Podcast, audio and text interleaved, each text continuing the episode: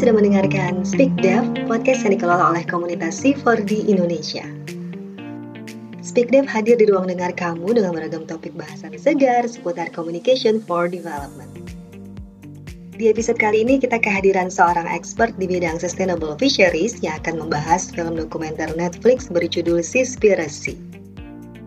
Dipandu oleh Tia, co-founder C4 Indonesia, kita akan simak bersama konten-konten apa saja di Seaspiracy yang data-datanya valid, mana-mana yang menyesatkan dan perlu diluruskan. Selamat datang di Speak Dev edisi perdana kita hari ini. Uh, Speak Dev adalah bincang-bincang bersama komunitas C4 di Indonesia, Communication for Development Practitioners in Indonesia, ada saya Cynthia di sini uh, dan juga Mas Abdullah Habibi. Silakan Mas Habib memperkenalkan diri.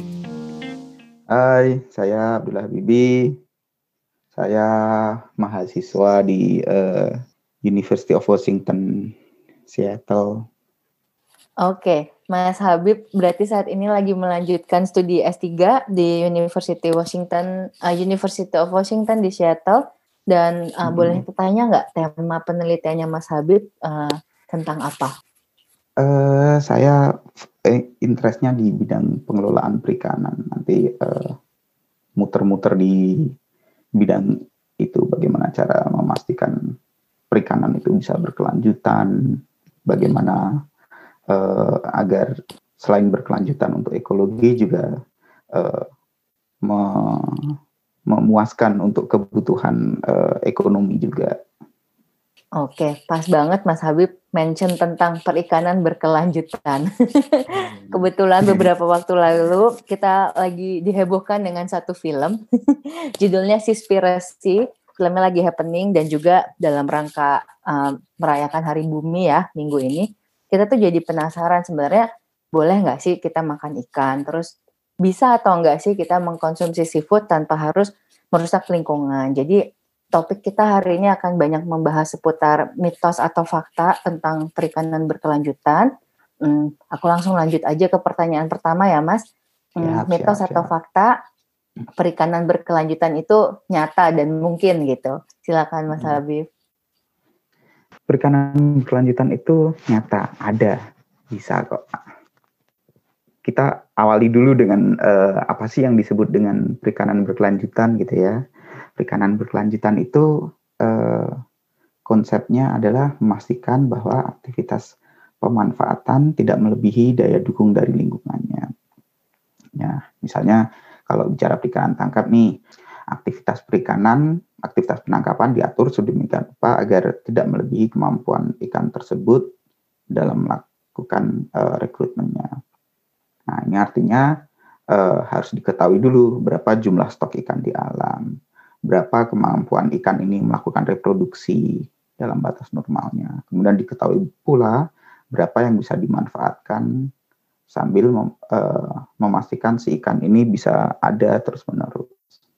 Nah, itu dari sisi perikanan tangkapnya. Dari sisi perikanan budidaya, ini uh, konsepnya juga kurang lebih sama. Aktivitas budaya dilakukan sedemikian rupa memastikan agar tidak melebihi daya dukung lingkungan budidayanya. Nah, di sini perlu diperhitungkan banyak hal nih. Uh, ketersediaan pakannya bagaimana, ketersediaan bibit budidayanya juga bagaimana, kemudian bagaimana kawasan di mana aktivitas budidaya berlangsung. Ini semuanya di set sedemikian rupa agar tidak melebihi daya dukung lingkungannya, agar uh, praktek perikanan maupun budidaya ini bisa berkelanjutan terus-menerus. Idenya seperti. Thank you Mas Habib. Berarti tadi jawaban untuk pertanyaan pertama, perikanan berkelanjutan itu mungkin gitu ya. Dan definisinya sudah dijelaskan Mas Habib. Mitos atau fakta kedua, um, para peneliti memprediksi bahwa tahun 2048 sumber daya laut dunia akan habis. Apakah benar demikian? Nah, uh, ini uh, menarik ini. Klaim 2048 ini didasarkan atas paper ilmiah tahun 2006 tentang tren biodiversitas laut, tren keanekaragaman spesies-spesies yang ada di laut. Begitu.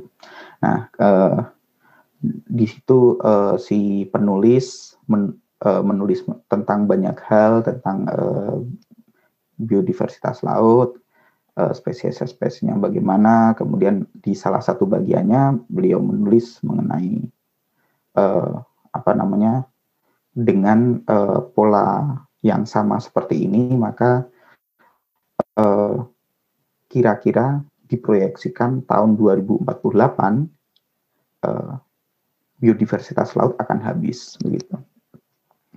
Uh, pemodelannya dengan dilakukan dengan statistik yang sangat sederhana dengan uh, apa namanya ya inf, statistik sederhana yang kemudian uh, ini di pick up oleh banyak orang karena uh, apa namanya informasinya menarik nih gitu.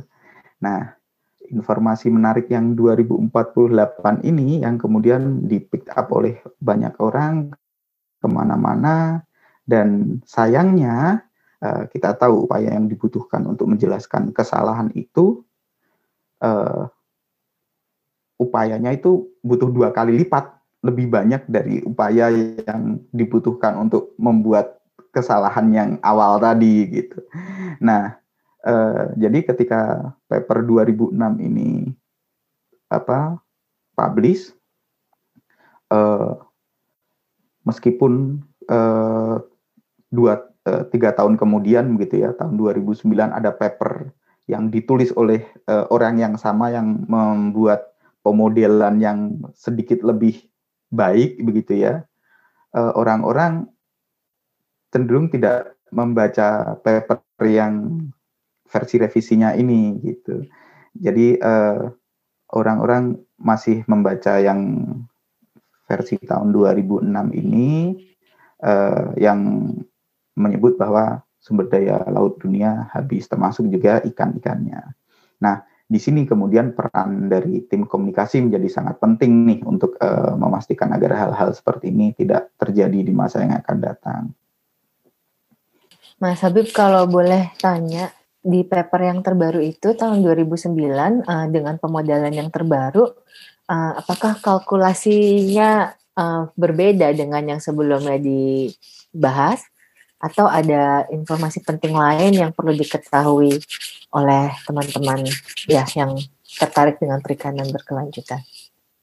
Ya, untuk yang di uh, versi yang 2009 itu disebutkan bahwa biodiversitas laut gitu ya. Jadi ada beberapa yang turun memang kalau misalnya tidak ada aktivitas pengelolaan sama sekali, tapi kalau ada aktivitas pengelolaan maka eh, tren penurunan itu bisa ditahan atau malah kemudian dikembalikan bisa naik lagi. Nah ini yang eh, pesan bahwa pengelolaan menjadi penting itu yang eh, perlu di sampaikan lebih lanjut dan perlu diingat uh, bahwa pengelolaan itu penting untuk uh, memastikan agar sumber daya laut dunia tidak habis. Thank you Mas Habib sudah meluruskan informasi itu. Berarti ini pertama tergantung uh, jenis spesiesnya apa kali ya yang menurun atau uh, bertambah. Hmm. Juga apakah akan ada titik balik yang yang mana tergantung kepada pengelolaan dan komitmen uh, berbagai pihak dalam memperbaiki praktik perikanannya, benar ya? Benar, itu. benar, benar seperti itu. Oke. Okay. Nah, itu tadi Mas Habib sudah ngasih bocoran jawaban buat pertanyaan ketiga. Belum ditanya tapi udah dijawab. Tadi Mas Habib mention um, bahwa beberapa stok perikanan uh, kalau dikelola dengan baik bisa pulih kembali. Um. Berarti udah udah terjawab untuk pertanyaan tersebut mitos atau fakta berikutnya yang kami penasaran. Um, sebenarnya tadi Mas Habib mention tentang pengelolaan. Salah satu bentuk pengelolaan juga yang um, disepakati di dunia perikanan global atau industri perikanan global adalah eco-label. Nah, mitos atau fakta sebetulnya bahwa eco-label dapat mendukung praktik perikanan yang berkelanjutan. Lalu kalau misalnya itu bukan mitos, eco-label seperti apa yang dipandang kredibel untuk rujukan kami semua penyuka seafood? Hmm, iya, Uh, sertifikasi ekolabel ini uh, saat ini masih dilihat sebagai golden standard gitu ya, gold standard untuk praktek perikanan yang berkelanjutan. Uh, ada beberapa hal memang yang uh, perlu disempurnakan dari uh, sertifikasi ekolabel ini. Tapi uh, beberapa perikanan yang uh, menggunakan mekanisme sertifikasi ekolabel itu menunjukkan uh, stok mereka stabil atau beberapa yang malah meningkat gitu. Ini ini uh, informasi uh, spesies targetnya. Ada lagi yang uh, spesies bycatch-nya, spesies tangkapan sampingnya. Pergi untuk nangkap tuna, uh, kadang kita juga tidak sengaja akan tertangkap penyu atau hiu. Nah, dengan uh, melaksanakan mekanisme ekolabel ini, tangkapan sampingan kemudian dipaksa begitu ya untuk bisa diturunkan. Jadi eh, pada beberapa jenis perikanan tangkapan sampingan ini bisa menurun yang sekali lagi ini menunjukkan bahwa sertifikasi ekolabel works gitu. Nah, kemudian eh, jenis-jenis sertifikasi, sertifikasi ekolabel yang baik yang seperti apa ini Uh, saat ini banyak uh, jenis sertifikasi ekolabel nih. Ini saya mengacu pada rujukan yang punya FAO saja ada si uh, Food and Agriculture Organization ini mereka mencatatkan sertifikasi sertifikasinya dilakukan oleh pihak ketiga untuk meminimalkan adanya konflik of interest. Kemudian uh, fokus pada uh, keberlanjutan. Keberlanjutan ini uh, berlanjutan si spesies targetnya, juga spesies uh, non targetnya, juga termasuk ekosistemnya. Kemudian fokus juga pada uh, pengelolaan sumber dayanya. Nah, ini beberapa poin penting yang perlu kita uh, lihat. Dari beberapa uh, poin yang disebut FAO itu, di sini yang salah satu yang terbaik, salah satu uh, sertifikasi ekolabel itu adalah Marine Stewardship Council. Saya me mensitir ada kajian tahun berapa itu 2012 kalau tidak salah ya membandingkan beberapa jenis sertifikasi ekolabel lima jenis sertifikasi ekolabel kalau nggak salah yang ada di dunia uh, di antara lima jenis sertifikasi ekolabel itu tidak ada 100% yang sempurna. Dan memang benar tidak ada 100% yang sempurna. Uh, tapi di antara lima jenis sertifikasi itu ada yang nilainya paling tinggi di antara yang lain yaitu Marine Stewardship Council untuk yang perikanan tangkap.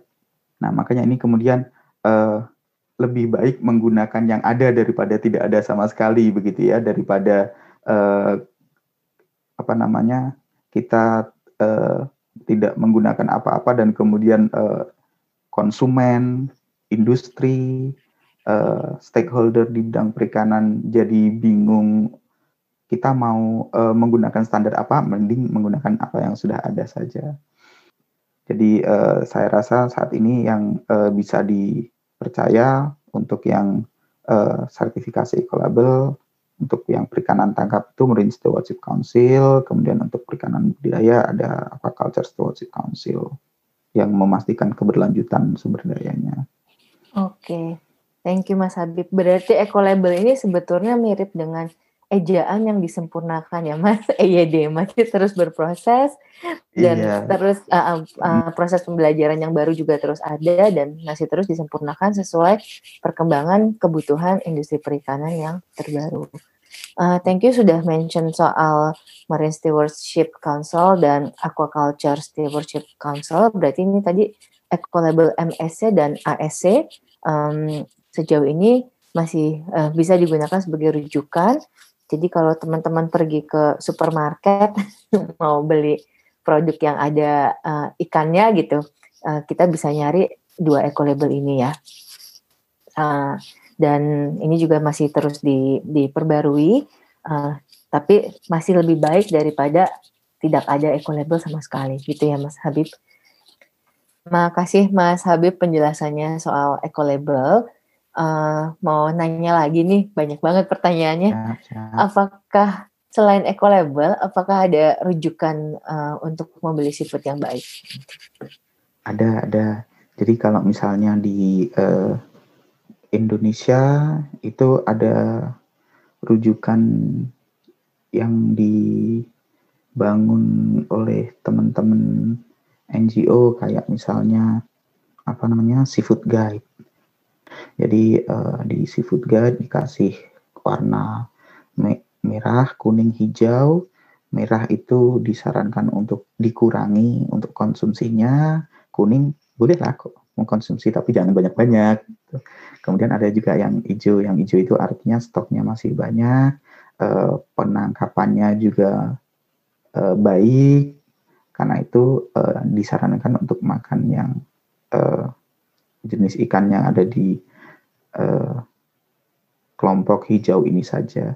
Setahu saya seafood guide ini ada kayak brosurnya begitu, tapi untuk kalau misalnya teman-teman pakai yang uh, Android atau iPhone gitu, ada apps-nya juga di uh, iOS atau uh, market, jadi bisa dicari di sana.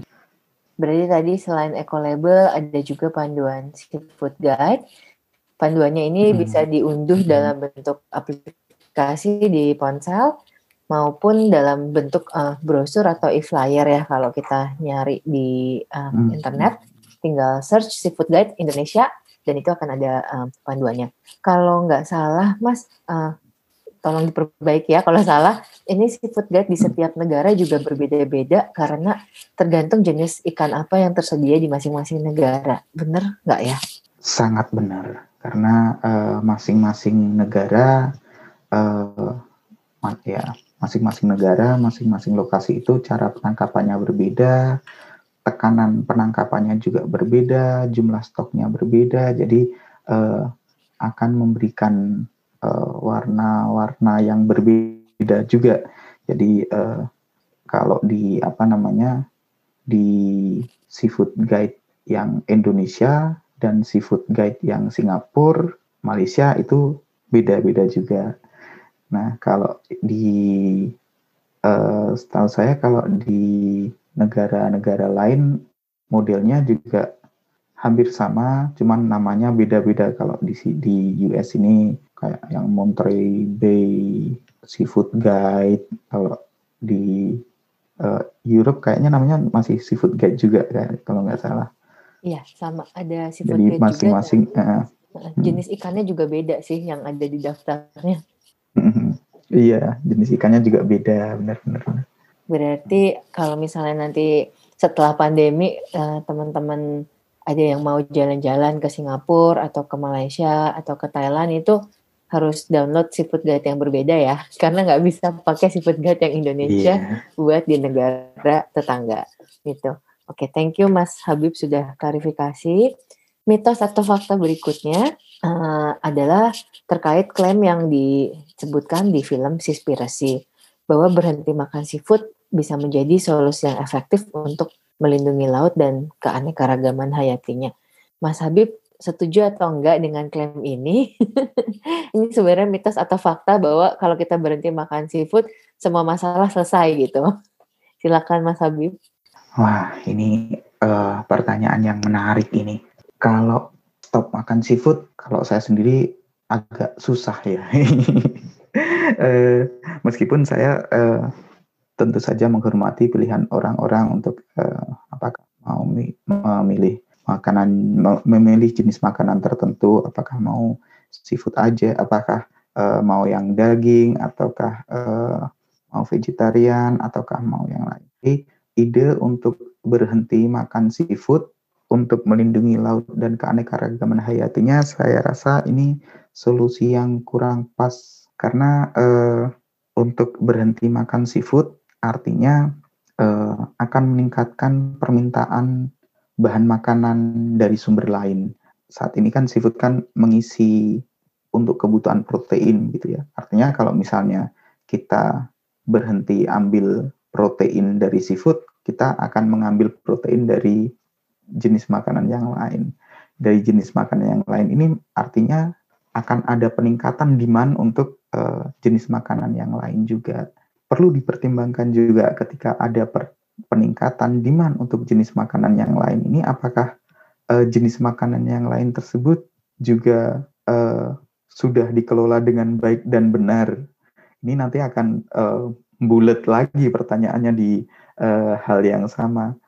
Nanti buntut-buntutnya bisa-bisa jangan makan apa-apa deh biar kita, uh, bumi kita uh, bisa lestari wah uh, nggak baik juga itu itu dari sisi uh, tekan apa penangkapan apa tekanan pemanfaatan untuk uh, si uh, sumber daya alamnya si ikan gitu ya dari sini tapi belum lagi ini belum lagi ditambah dengan pertanyaan kalau misalnya uh, karena kita ingin menjaga uh, sumber daya alam, melindungi laut, maka kemudian kita tidak makan ikan. Nah, pertanyaan selanjutnya, bagaimana dengan industri perikanan yang nanti kalau misalnya dengan pendekatan ini dilaksanakan nanti uh, akan ada dampak sosial ekonomi terhadap uh, industri perikanan ini karena kita tahu uh, misalnya untuk kasus di Indonesia aja ya kalau tidak salah ada tiga juta setengah orang yang terhubung dengan industri perikanan ini. Kalau misalnya tidak ada aktivitas penangkapan, bagaimana dampak sosial ekonomi terhadap mereka tiga setengah juta orang ini? Apalagi di Indonesia itu perikanannya kebanyakan perikanan skala kecil, perlu dipertimbangkan dampak sosial ekonominya, kemudian apa yang akan terjadi kalau mereka tidak memiliki pekerjaan gitu. Di sini solusi yang terbaik bukan uh, dengan berhenti makan seafood saya rasa, tapi uh, dorongkan agar ada seafood yang dikelola dengan baik dan benar. Di satu sisi kita sebagai konsumen bisa mendapatkan uh, asupan protein yang baik, kemudian untuk industri perikanan mereka bisa berjalan dengan baik, sosial ekonomi dari uh, stakeholder di sana uh, tercukupi, dan pemerintah juga bisa mendapatkan masukan dari uh, pajak segala macamnya. Terakhir nih Mas, uh, biasanya informasi apa lagi sih yang perlu teman-teman uh, komunikator cermatin atau pelajarin jika kami ingin mengkampanyekan tentang seafood berkelanjutan? supaya tidak salah kaprah atau misleading atau bahkan memberi informasi yang salah. Apa aja sih Mas yang perlu dicermati? Uh, informasi-informasi uh, yang baik seperti ini, yang versi ideal tentu saja ya, banyak kan ada di paper paper-paper ilmiah, yang kemudian uh, biasanya juga berbayar, yang agak susah diakses begitu-begitu. Dan belum lagi informasi ini kemudian akan sedikit apa namanya uh, segmented informasinya. Kalau uh, untuk memastikan agar uh, kita bisa mendapatkan informasi yang baik, memang perlu sedikit effort. Kalau bisa punya akses ke paper-paper ilmiah lebih bagus. Tapi kalau tidak, paling tidak kita pantengin terus uh, akun sosmednya para guru-guru uh, perikanan dan budidaya ini banyak para guru-guru perikanan itu yang mereka juga punya akun sosmed dan kemudian mereka menyuarakan informasi-informasi terbaru mengenai pengelolaan perikanan, mengenai uh, bagaimana perikanan berkelanjutan dan tanggung jawab itu uh, bisa dicapai. Misalnya website atau akunnya uh, Ray Hilben itu uh, salah satu yang lumayan aktif untuk nulis-nulis begitu ya. Kemudian Daniel Pauli juga dia juga uh, sering aktif. Terus ada juga uh, Rasid Sumaila. Mereka ini orang-orang yang aktif menyampaikan informasi-informasi terbaru di bidang perikanannya. Nah, ini yang kemudian para komunikator perlu sering baca dan sering ikuti update-update-nya. Jadi uh, kita tahu bahwa oh sekarang trennya seperti ini, informasi uh, yang bagus untuk perikanan seperti ini, gitu. Oke, uh, nanti uh, kami akan mention juga nama-nama akun yang Mas Habib rekomendasikan uh, di ya di di media sosial kami. Uh, kalau misalnya ada referensi atau tambahan bahan bacaan lainnya yang menurut Mas Habib mungkin menarik buat teman-teman komunikasi, kami terbuka menerima rekomendasi itu.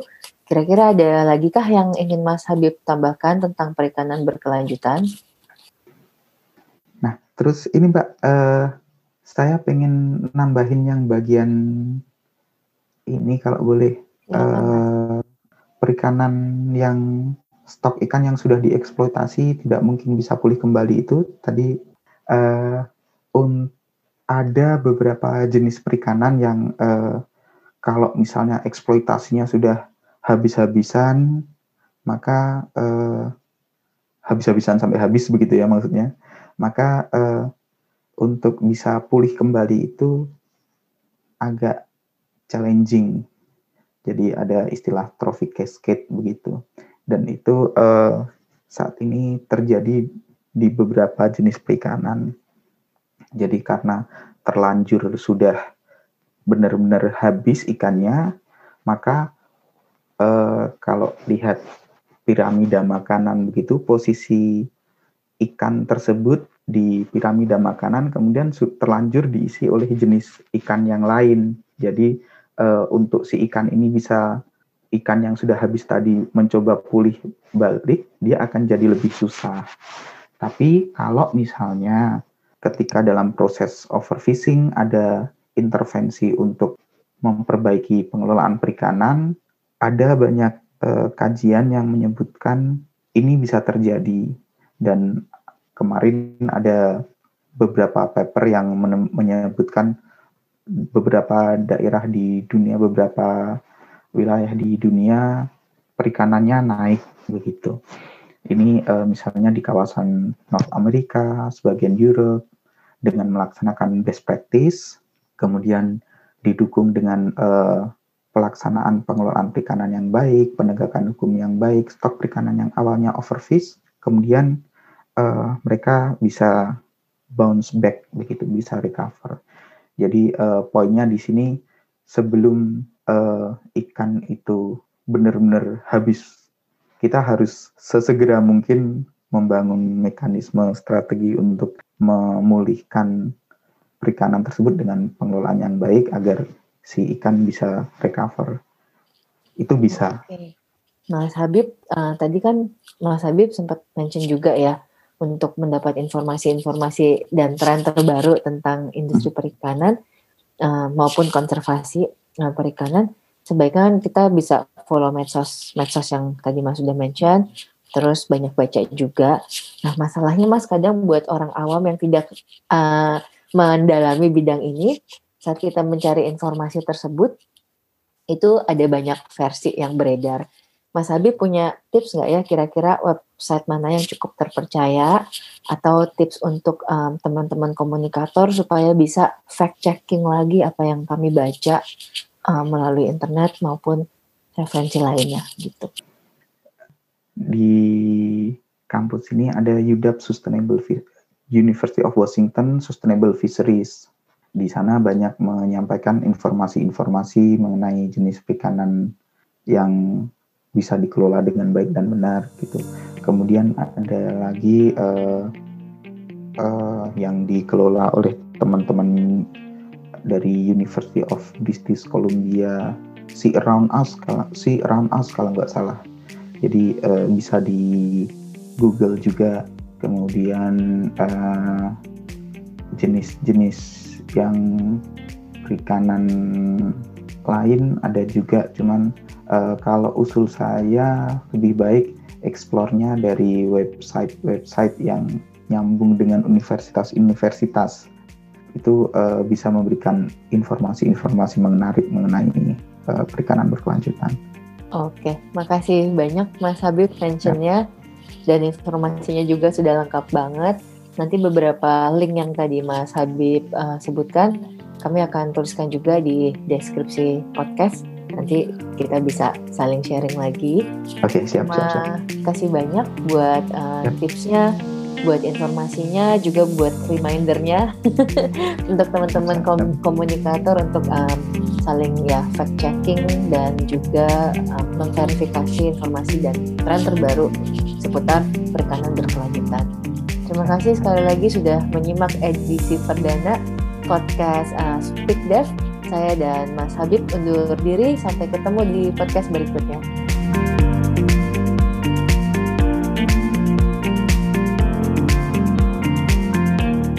Terima kasih sudah mendengarkan Speak Dev. Untuk ulasan lengkap tentang episode ini dan jika kamu tertarik bergabung bersama komunitas kami, silahkan kunjungi c4d.indonesia atau follow IG kita di @c4dindonesia.